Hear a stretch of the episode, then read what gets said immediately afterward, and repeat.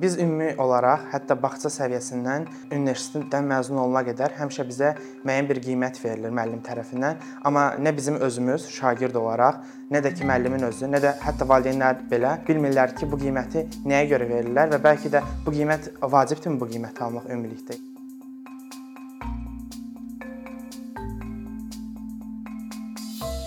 Məncə birinci danışmağımız lazım olan mövzu ondan ibarətdir ki, təhsilin qiymətləndirilməsi nədir, dəyərləndirilməsi nədir? Bunlar çünki çox ə, vacib, bir-birinə çox oxşuyur. Bəlkə də bu iki dənə söz birləşməsini deyəndə fikirləşə bilərik ki, bunlar eyni sözlər, amma çox fərqli ə, terminlərdir. Biz qiymətləndirmə deyəndə ə, çox qısa periodlarla ə, şagirdin nəyi, nə qədər öyrəndiyini və öyrəndiyinə əsasən ona necə ə, təklif ver, ə, necə geri bildirim, geri dönüş verməyi öyrənirik.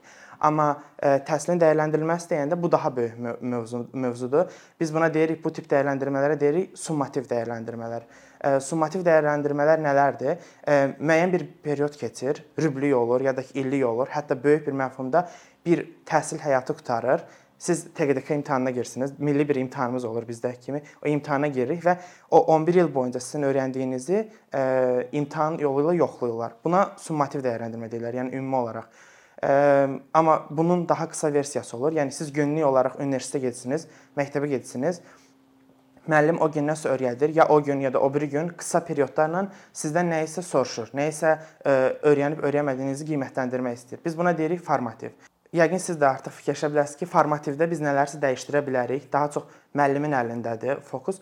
Ona görə ə, forma, ə, ən vacib olan da elə ə, formativ qiymətləndirmənin çox yaxşı yerdə olmasıdır. Çünki ümumi olan dəyərləndirilmədə, summativdə biz çox da nələrsə dəyişdirə bilmirik. Çünki ə, uşaqlardan soruşanda ki, bəs sizə görə ə, ümumi olaraq bir test imtahanı olsa, sizin təhsil həyatınızı bir imtahanla yoxlasaq, sizin üçün ən vacib olan nədir deyə sual verəndə uşaqların cavabı o olub ki, o həmin imtahanın ədalətli olmağını istəyirlər. Ədalətlilik deyəndə ki, bəs ədalətliyi açmaq istəyəndə onlar istəyirlər ki, imtahanda standart bir tələblər olsun. Desinlər ki, siz bu bu sualları yığsanız, cavab düzgün cavab versəniz, bu, qədər bal yığırsınız ya da ki, bu qədər yerə gəlirsiniz, uşaqlar onda daha rahat hiss eləyirlər, nəinki subyektiv bir fikirlər olanda. Mən buna bir dənə nümunə göstərmək istəyirəm. Məsəl üçün deyək ki, bir imtahandır, 11 ilin axırında sizə sual verirlər. Siz onun haqqında esse yazsınız və deyək ki, sizin essedə bir fikriniz var, bir də onu yoxlayan adamın öz fikri var və o adamın subyektiv fikirlərinə görə sizin balınızı aşağı salıb ya da yuxarı qaldırma şansı var. Burada bəlli bir standart yoxdur ki, ə, deyək ki, bal budur və siz bunu alırsınız. Ona görə uşaqlar üçün ən vacib olan odur ki, bilsinlər ki, standart bir sistem var və o sistemdən nə qədərsə eləsələr, ə, müəyyən bir ə, nöqtəyə gələ bilərlər. Amma təbii ki də summativ dəyərləndirmə bilirsiniz. Bu təkcə bizim ölkəmizdə yox, ümumi olaraq ya bir dənə imtahan eləyirlər, ya da iki dənə imtahan eləyirlər və sizin 11 illik nəsə öyrəndiyinizi yoxlamağa çalışırlar. Amma bu çox normalda ədalətsizdir. Çünki hər uşağın imtahanı eləmək müddəti ola bilər ki, o riyaziyyat məsələsini bilir, amma onu həll eləmək üçün ona vaxt lazımdır.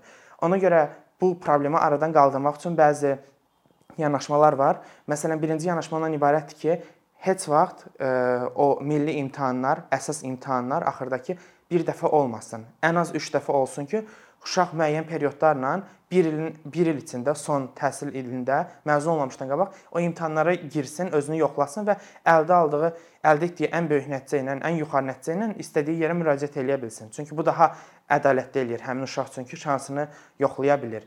E, ikinci məsələ ondan ibarətdir ki, əgər çox innovativ getsək, biz belə bir şey eləyə bilərik ki, ümumi olaraq bu imtahanları aradan qaldırırıq. Yəni summativ bir dəyərləndirmə olmur. Summativ dəyərləndirmə olur, amma bu imtahan yolu ilə olmur. Biz götürürük, sizə deyirik ki, e, siz 1 il müddətində e, bir bir proyekt hazırlayın və tutaq ki, siz mühəndislik ixtisasında təhsil almaq istəyirsinizsə, e, deyək ki, müəyyən bir səhifə hazırlamalısınız. Platforma, platforma müəyyən xüsusiyyətləri olmalıdır və siz o proyekti hazırlayırsınız və müəyyən bir təhsil qurumuna müraciət edəndə artıq sizin bir təhsil institutu tərəfindən təyin edilməyiniz lazım deyil. Yəni o o universitetə özünüz müraciət edirsiniz. Deyirsiniz ki, bu mənim proyektimdir. Bu mənim ümumi olaraq orta məktəbdə aldığım e, qiymətlərimdir və buna görə artıq onlar sizə seçim eləyə bilərlər. Yəni sizi ancaq bir gün olan imtahana görə yox, ümumi olaraq 1 il ya da 2 il üzərində işlədiyiniz proyekt və ümumi təhsil həyatınızla dəyərləndirirlər və bu e, ən çox indi yön ən çox istiqamət ən çox ə, yönəlilən istiqamət bundan ibarətdir ki, bu istiqamətdə getməyə çalışırlar ki, bir imtahan yox, proyekt və ümumi olaraq təhsil həyatını ümumiləşdirilsin. Mən qayıtmaq istəyirəm formativ olana, hansı ki, o qısa periodlarla biz dəyərləndirmə eləyirik. Bu çox vacibdir. Çünki əslində biz summativi qaldırsaq, təhsil həyatından heç nə olmaz. Yəni çox böyük dəyişiklik olmaz ki, niyə uşaqlar ə, bal yığmır ya da ki, niyə uşaqlar yuxarı bal yığmır? Ümumi olaraq bu heç kimə çox da lazım deyil, amma formativ çox vacibdir. Niyə vacibdir? Çünki formativin məqsədi uşağa normalda 5, 2, 3 bal vermək deyil. Formativin məqsədi odur ki, uşaq o gün nəsə öyrənib, yoxsa yox. Yəni əsas məqsəd ondan ibarətdir. Bir dənə nümunə verim. Formativə nə ola bilər? Məsəl üçün bizdə məktəbdə elə olan da odur. Müəllim gəlir, deyir ki, kim dərsə hazırdır. Kimsə çıxır, dərsi danışır. Bu əslində yaxşıdır, amma çox vaxtı şagirdlər dərsi danışanda ya əzbərləyirlər, ya müəyyən bir, yəni onu qavrayaraq ya da öz fikirlərini qataraq öyrənmək onlar üçün çətin olur. Amma Bunu necə dəyişdirə bilərik? Bəzi metodlar var ki, formativ dəyərləndirmə üçün nələrsə dəyişdirə bilərik. Məsəl üçün birincisi odur ki, bunu istənilən müəllim eləyə bilər. Yəni dərsi keçir, dərsi keçəndən sonra dərsi biraz az qalmış hər uşağa bir dənə e, kağız verir. O kağızda uşaqlara deyir ki, siz bura bu gün nə öyrəndiyinizi 50 sözlə yazın. Nə 50 sözdən çox, nə də ondan çox az. Və uşaq ora yazır və müəllim o kağızları toplayanda başa düşür ki, uşaq nə öyrənib. E, ümumi olaraq bu müəllim üçün də yaxşıdır ki, təhsili qiymətləndirəndə müəllim başa düşür ki, mən nəyi yaxşı başa salmışam, nəyi pis başa salmışam. Uşaq üçün ona görə yaxşıdır ki, uşağa deyirlər ki, e, sən kağıza yaz. Uşaq indi siz fikirləşin şagirdsiniz, müəllimə qulaq asırsınız 30 dəqiqə bir yeri qaçırtdınız, fikriniz getdi, bir yerə qulaq assınız, amma o kağızı müəllim verəcəyini biləndə siz daha diqqətlə qulaq assınız və e, o müəllimin əslində sizə sözbəsöz dediyini ora yazmısınız. Çünki siz şagirdsiniz. Yəni ümumi olaraq nəsə fikirləşirsiniz. Bəlkə də bəzən öz fikirlərinizi yazsınız ki, ora, yəni müəllimin dediklərinizi götürdünüz, cəmləşdirdiniz, sonra nəsə əlavə eləyirsiniz. Ona görə bu çox yaxşı metod sayılır ki, ümumi olaraq öyrəndiyinizi o gün qısa şəkildə yazmağınız həm müəllim üçün, həm də sizin özünüz üçün çox vacibdir.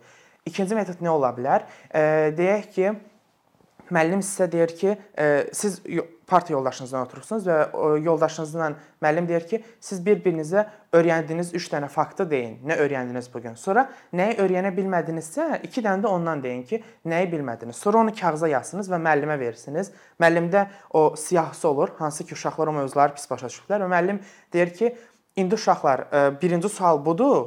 Sinif yoldaşlarınız bunu başa düşmür. Kim gəlib başa salmaq istəyər? Sinifdən kimsə gəlir, gəlir uşaqlara başa salır. Ondan sonra müəllim deyir ki, e, müəllimin özünü başa salmağı burada çox vacibdir. Çünki ən yaxşı öyrənmə sizin öz yoldaşınızla birlikdə olduğu öyrənmədir. Ona görə o dərsi yaxşı başa düşən dostunuz əslində sizin öz dilinizdə sizə dərsi başa salır. Sizin üçün də yaxşıdır. O dərsi başa salan uşağın özü üçün də yaxşıdır, çünki özü daha da dərindən öyrənmiş olur bunu. Bu bu da o metodlardan biridir ki, qısa müddətli olaraq dəyərləndirə bilərik.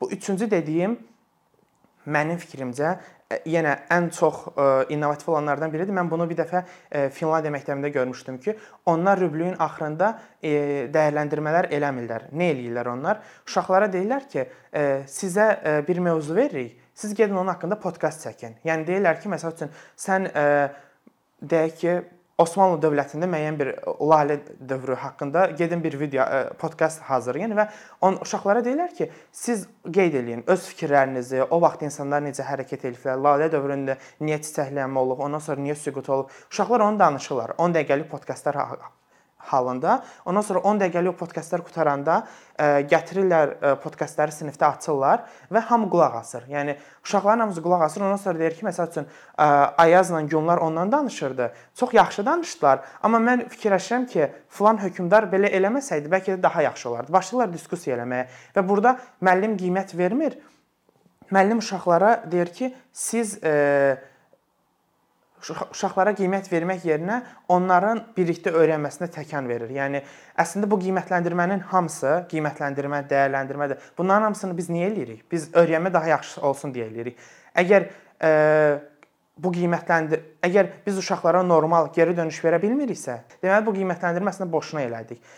E, hal-hazırda dünyada olan ölkələrin bir çoxunda əsas problem odur ki, milli imtahanlarda onlar qiymətləndirməni öyrənmədən üstün tuturlar. Yəni fikirləşirlər ki, mən 3-cü sinif uşağına nətər qiymət verə bilərəm ki, o 5 alsın, 3 alsın, onu fikirləşirlər. Amma onlar fokuslanmalılar ki, mən bu uşağa nətər eləyə bilərəm ki, öyrənmədiyini öyrənsin. Normalda uşaqları qiymətləndirəndə ə, biz veririk onlara məsəl üçün 78 bal tutaq ki, atıram. 100-dən 78 aldı bu uşaq kimyadan, amma ə, normalda belə bir yanaşma var ki, bir araşdırması tərəfindən ə, ə, araşdırılıb ki, bəs əslində siz ona 78 bal verəndə elə uşaq 78-də də qalır. Düzdür, nəyi səhv yazdığını görür. Bəlkə biraz artırır öz qiymətini, amma ə, burada nə vacibdir? Uşaq 78 alır və uşağa siz deyirsiniz ki, sən 78 aldın, amma sən 100 almaq üçün bunları bunları eləsən, sən 100-ə layiqsən. Yəni əslində hamıyı o 100-ə çəkməyə çalışırlar.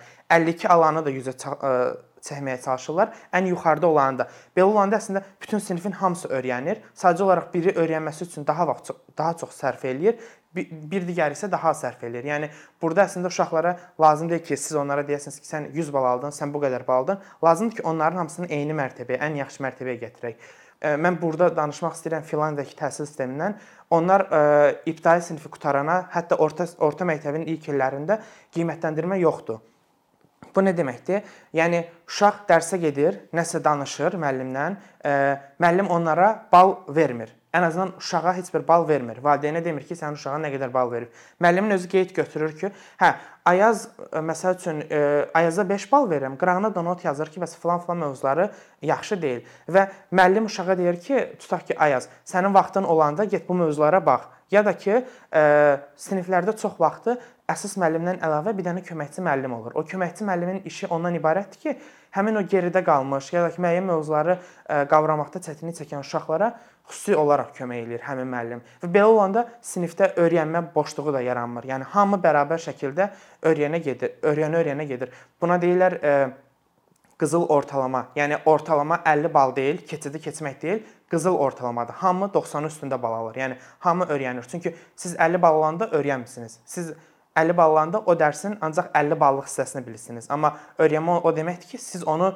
100 ya da 100-ə çox yaxın bir şəraitdə öyrənirsiniz. Burada bir dənə də əlavə çox yaxşı yanaşma var onlarda. O nədən ibarətdir? Onlar yenə öz sinif yoldaşlarından xahiş edirlər ki, e, onlarda həmişə əlavə bir saat olur ki, dincələ bilirlər həmin saatda. Onlara deyirlər ki, əgər istəsəniz, siz həmin o sinif yoldaşınızla bir yerdə işləyə bilərsiniz. Onları cütləşdirirlər, e, sinifləri bir-birindən hər uşağın bir e, e, sinif yoldaşı olur. O sinif yoldaşı ilə bir yerdə onlar otururlar və o Məsəl üçün mən biologiyanı pis bilirəm, o tarixi pis bilir. Biz bir-birimizə öyrədirik ki, bəs hansı tərəflərimizi daha yaxşı eləyə bilərik. Bu məsəl üçün çox yaxşı işləyən metodlardan biridir onlarda. Ümumi olaraq orta məktəbin ilk illərinə qədər, 7-ci sinifə qədər onlarda qiymətləndirmə e, ciddi şəkildə olmur. Yəni demirlər ki, sən bu qiyməti aldın. E, hətta orta sinifdən sonra belə e, uşaqlara qiymət vermək ya da hər ilin hər ilin axırında imtahan vermək deyə bir şey yoxdur onlarda. Onlar imtahanı ancaq axırıncı illərində verirlər, o məzun olmamışdan qabaq verirlər və o imtahanda onlardan ciddi şəkildə nəyisə əzbərləmə və yaxud da ki, ə, əzbərə nəyisə yazmaq yerinə onların öz fikirlərini qataraq ya da ki, öyrəndiklərini praktik şəkildə tətbiq eləyə biləcəkləri imtahan tipi olur. Və bu imtahan tipində yenə o biraz bizə bənzəyir o. Yəni ümumi olaraq imtahan verirlər, amma ondan əlavə özlərinin ixtisaslaşmaq istədikləri dərslərdən xüsusi imtahanlar verirlər. Hətta bəzi ixtisaslar üçün onlardan xüsusi ekstra imtahan alırlar. Məsəl üçün siz müəllim olmaq istəyirsinizsə, avtomatik müəllim ola bilmirsiniz. Çünki siz gərək psixologiya imtahanı da verəsiniz ki, soruşurlar ki, sizin psixologiyanız müəllim olmağa yetərlidir yoxsa yox. Bu bizdə oxşuyur əslində pilot olmaq istəyənlərə. Yəni gedəndə onların boyuna baxırlar, yəni onların emosional vəziyyətlərinə baxırlar, refleksiya qabiliyyətlərinə baxırlar. Eynisini əbil müəllimlər üçün tətbiq edirlər və bu müxtəlif peşələr üçün də bunu tətbiq edirlər. Çünki onlar çox yaxşı bilirlər ki, e, öyrənməni daha yuxarı gətirə, gətirə biləcək e, insanlar müəllimlərin özləridir. Bu nə təhsil naziridir, nə məktəbin direktorudur, nə, bəlkə də hətta valideynin özü belə deyil. Yəni bir müəllim o uşağın bütün problemlərini həll edə bilər, amma təhsil naziri təbii ki də həll edə bilməz. Ona görə onlar ə, e, sinifdə müəllimin çox böyük ə, idarə etmə qabiliyyəti var. Ona görə o müəllim bu dediyim formativ metodlardan, o dəyərləndirmələrdən ürəyi hansını istəyirsə, hansı onun sinfi üçün uyğundursa, onu yoxlayır, onu eləyir. Çünki yenə deyirəm, əsas məqsəd uşağa bal vermək deyil. Əsas məqsəd uşağın nəyi pis bildiyini, nəyi yaxşı qavramadığını tapıb ona kömək etməkdən ibarətdir. İki dənə əlavə olaraq e, dəyərləndirmə, qiymətləndirmə metodu var ki, onlar hal-hazırda e, çoxları üçün çox innovativ sayılır. E, onlardan biri odur ki, sizin öz dostunuz sizə qiymət verir. Yəni ki, sizin öz sinif yoldaşlarınız sizə qiymət verir. Bu necə olur? Müəllim deyir ki, bəs flankət çıxır, nəyisə göstərir. Göstərəndən sonra biz deyirik ki, bu adam danışdı, gəlin buna ham bal versin. İndi ham bal verir və ya 2, 3 nəsə bal veririk, qutarır. Amma bu bal verəndən sonra biz ona ancaq 2 bal verə bilmərik burada. Çünki biz deyirik ki, Ayaz çıxdı, danışdı, mən Ayaza 2 bal verirəm. Çünki Ayazın 1 balını burdan qırdım, 1 balını burdan qırdım, 1 balını burdan qırdım və o adam Ayaz çox yaxşı başa düşür ki, problemlər hardaydı və burada artıq subyektivdən çox daha biz bunu obyektiv eləməyə eləyirik. Yəni biz başa düşürük ki, bu adam bal verəndə nəyə nəyə əsasən bal verir. Bunu Estoniyada çox tətbiq eləyirlər ki, siz öz sinif yoldaşınıza belə bal verə bilirsiniz. Əgər sizin verdiyiniz açıqlama da çox məntiqlidirsə, o və sinif yoldaşınız, o bal verdiyiniz dostunuz da sizlə razılaşırsa, qiymətləndirmə oldu. Yəni heç bir problemsiz ikiniz də ə, danışdınız və niyə o balı verdiyini və yaxud da ki, çox vaxtı necə olur? Mən məsəl üçün sizə 5 bal verirəm ya da ki 4 bal verirəm deyək.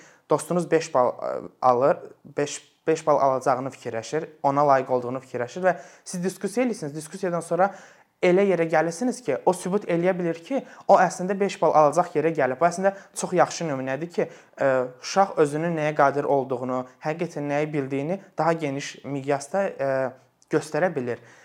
Son olaraq bir dənə metoddan danışmaq istəyirəm. O əslində bunu e, hətta ən innovativ ölkələrdə belə pilot şəklində yeni-yeni yoxlayırlar. Bu nədir? Bunun adı gedir öz-özünü dəyərləndirmə. Yəni ki, bu əslində çox yerdə yoxlanılıb, uğursuzluqla nəticələnən bir metod, amma mənim özümə araşdırmaçı olaraq çox xoşuma gələn və çox araşdırmaq istədiyim mövzudur. Bu nədir? Siz semestrə başlamamışdan əvvəl müəllim deyir ki, bu mövzuları siz keçəsiniz və sən o mövzulara baxsan şagird olaraq və deyirsən ki, "A, mən özümdən bunları bunları öyrənəcəyimi fikirləşirəm." Və yazsan ora həftə 1. Mən birinci həftədə bunları bunları öyrəndim. İkinci həftədə bunları bunları öyrəndim. Və semestrin axırında özün özünü dəyərləndirirsən ki, sən ümumi olaraq bu dərsdə nə qədər aktiv idin, nə qədər öyrəndin, nə qədər dostlarına kömək elədin, nə qədər ümumi olaraq öz fikrini öyrəndiyinə tətbiq eləməyə, onu onun haqqında rəy bildirməyə açıq idin. Özün haqqında rəy versən və Onu sonra müəllimə göstərsən ki, bəs mən e, bunları bunları öyrəndim və özümü belə dəyərləndirirəm.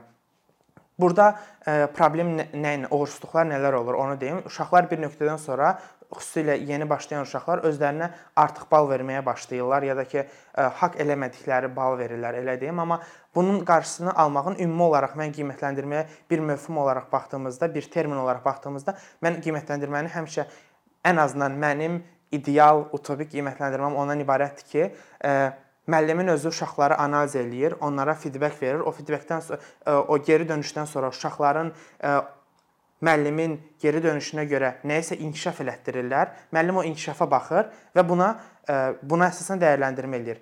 Və bu də son dəyərləndirməni eləməmişdən əvvəl həmin uşaq haqqında uşağın özünün dəyərləndirilməsi üstə gələk onun sinif yoldaşlarının uşaq haqqında dəyərləndirməsini də götürür və ümumi bir nəticəyə gəlir. Yəni burada ancaq müəllim öz-özünə uşağa oturur, uşaq nəsə danışır, ona 2 bal vermək yerinə görün nə qədər geniş şaxəli biz dəyərləndirmə elədik. Yəni burada elədiyimiz qiymətləndirmənin uğursuzluqla nəticələnməsinin ehtimalı təbii ki də çox daha azdır, nəinki o biri metodda.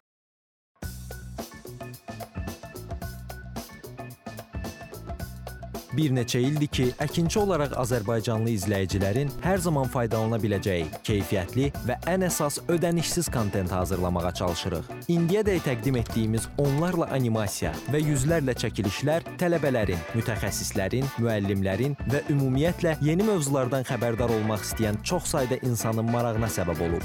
Bu illər ərzində hazırladığımız videolar təhsil, texnologiya, ictimai fəallıq, iqtisadiyyat, gender bərabərliyi, ətraf mühit, ifadə istifadə azadlığı, hüquq, demokratik inkişaf, mədəniyyət və digər mövzuları əhatə edib. Məqsədimiz çoxlu baxış gətirən deyil, çoxlu fayda gətirən videolar hazırlamaqdır. Amma bu düşündüyümüz qədər asan deyilmiş. Gördüyümüz iş kifayət qədər resurs, əmək və təbii ki, davamlılıq tələb edir. Bu səbəbdən Patreon platformasından istifadəyə başladıq. Əkinçinin Patreon hesabının populyarlaşmasına çox böyük ümidlərimiz və gözləntilərimiz var. Bəziləriniz Patreon haqqında ilk dəfə eşidirsiniz. Əslində çox sadə izahı olan bir platformadır. Təsəvvür edin ki, siz rəssam və ya musiqiçisiniz. Sosial şəbəkələrdə sizi izləyən, işinizi bəyənən çox sayda insan var. Patreon platforması sizə imkan verir ki, izləyicilərinizin könüllü aylıq ödənişləri sayəsində işinizi davam etdirəsiniz. Sərgi, konsert zallarından asılı qalmayasınız. Amma bu təkcə rəssam və musiqiçilərə aid deyil. Məsələn, əkinçiyə bənzər fəaliyyətlə məşğul olan bəzi layihələrin 10 minlərlə patronu var. Biz də düşündük ki, nə üçün əkinçinin Patreon hesabı olmasın? Sizin dəstəyiniz sayəsində biz daha çox və daha keyfiyyətli kontent yaratmağa davam edə biləcəyik. Amma bu dəstək yalnız maddi dəstək deyil. Dəstəkçilərimizin sayının artması gördüyümüz işlərin faydalı olduğuna dair əminlik verir. Patreon platformasından istifadə çox sadədir. Hesabınızı açırsınız, sizə uyğun dəstək növünü seçirsiniz və Patreon özü hər ayın ilk günü kartınızdan seçdiyiniz dəstək növünə uyğun ödəniş tutur. Bu qədər. Sonda onu demək istəyirik ki, dəstəkçilərin sırasına qoşulmaq istəyən, amma məhdud imkana görə bunu edə bilməyənlər narahat olmasın. Daha öncə dediyimiz kimi, bizim əsas məqsədimiz daha çox insanın hər zaman faydalana biləcəyi keyfiyyətli və ödənişsiz kontentin yaradılmasıdır. Bunun üçün mütləq patronumuz olmalısınız deyə məcburiyyət yoxdur. Amma imkanınız patron olmağa çatırsa və bizim işimizi bəyənirsinizsə, patronlarımızın sırasına qoşulmağınız bizim üçün çox önəmlidir.